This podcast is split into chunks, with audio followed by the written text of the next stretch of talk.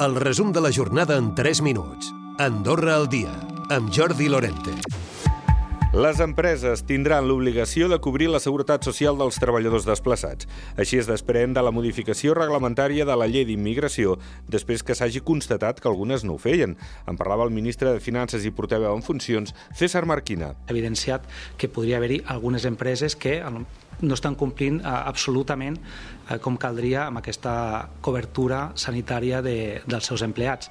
Relacionat també amb els treballadors desplaçats, la detenció d'un empresari a principi d'aquesta setmana per no complir el Codi de Relacions Laborals ni la Llei de Seguretat en el Treball és fruit d'una denúncia i la posterior inspecció que remunta a desembre del 2021. I aquest dimecres ha estat el dia del càncer infantil. Per cada cas de la malaltia entre els nens n'hi ha 200 d'adults. Andorra es calcula que la xifra equival a 3 casos cada dos anys, si bé només Sant Joan de Déu, un dels hospitals de referència, n'ha tractat 10 el darrer any.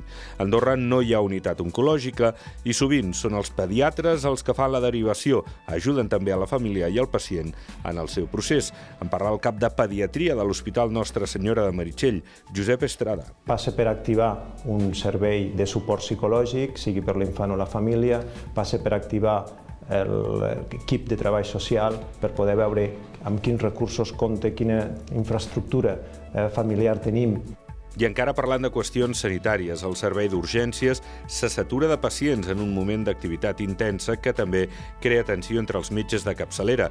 Així ho alerten fonts sindicals que aviat tindran una reunió amb la direcció del SAS per reiterar la necessitat de trobar solucions. I la pandèmia segueix a ratlla. Actualment només 13 persones estan passant la Covid.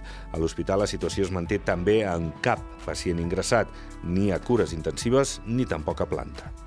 La comissió vol que la supervisió financera sigui robusta. Falta, però, definir qui l'ha de fer. Amb el prestador de darrera instància aprovat, els bancs encara els falten mecanismes de liquiditat per ser competitius amb els de fora. Així, la Comissió Europea vol una supervisió del sistema financer. En parla l'Andri Riba, secretari d'Estat d'Afers Europeus en funcions. El que volem és que la supervisió sigui una supervisió nacional eh, és, és, és obvi perquè així també és pels propis estats membres que pel damunt de la supervisió nacional també hi ha la supervisió de les institucions europees. Per tant, és el model cap al que penso eh, i anticipo doncs, que, que la demanda d'Andorra podria anar. Definitivament no hi haurà una consulta sobre la instal·lació de grífols a Ordino. De fet, el Comú ja ho havia deixat clar, però aquest dimecres ha descartat reconsiderar la negativa, com havia demanat el conseller de Pere Ordino, Enric Dolça. En parlava el cònsul major ordinenc, Josep Àngel Mortés. Ja fa dies que havia punt i final, inclús abans que ens haguessin entrat la sol·licitud de consulta popular, perquè ho hem explicat més d'una vegada, ho he explicat avui a la, a la sessió de Consell de Comú, eh, finalment és un projecte d'interès nacional i, per tant, eh, qui pilota aquest projecte és govern i si algú ha de fer alguna consulta és govern. És el segon contratemps en poques hores per a la plataforma contrària al projecte, després que el Constitucional hagi rebutjat el recurs d'empara presentat pel mateix Dolça. En qualsevol cas, reiteren que arribaran fins a Estrasburg. Recupera el resum de la jornada cada dia a AndorraDifusió.d i a les plataformes de podcast.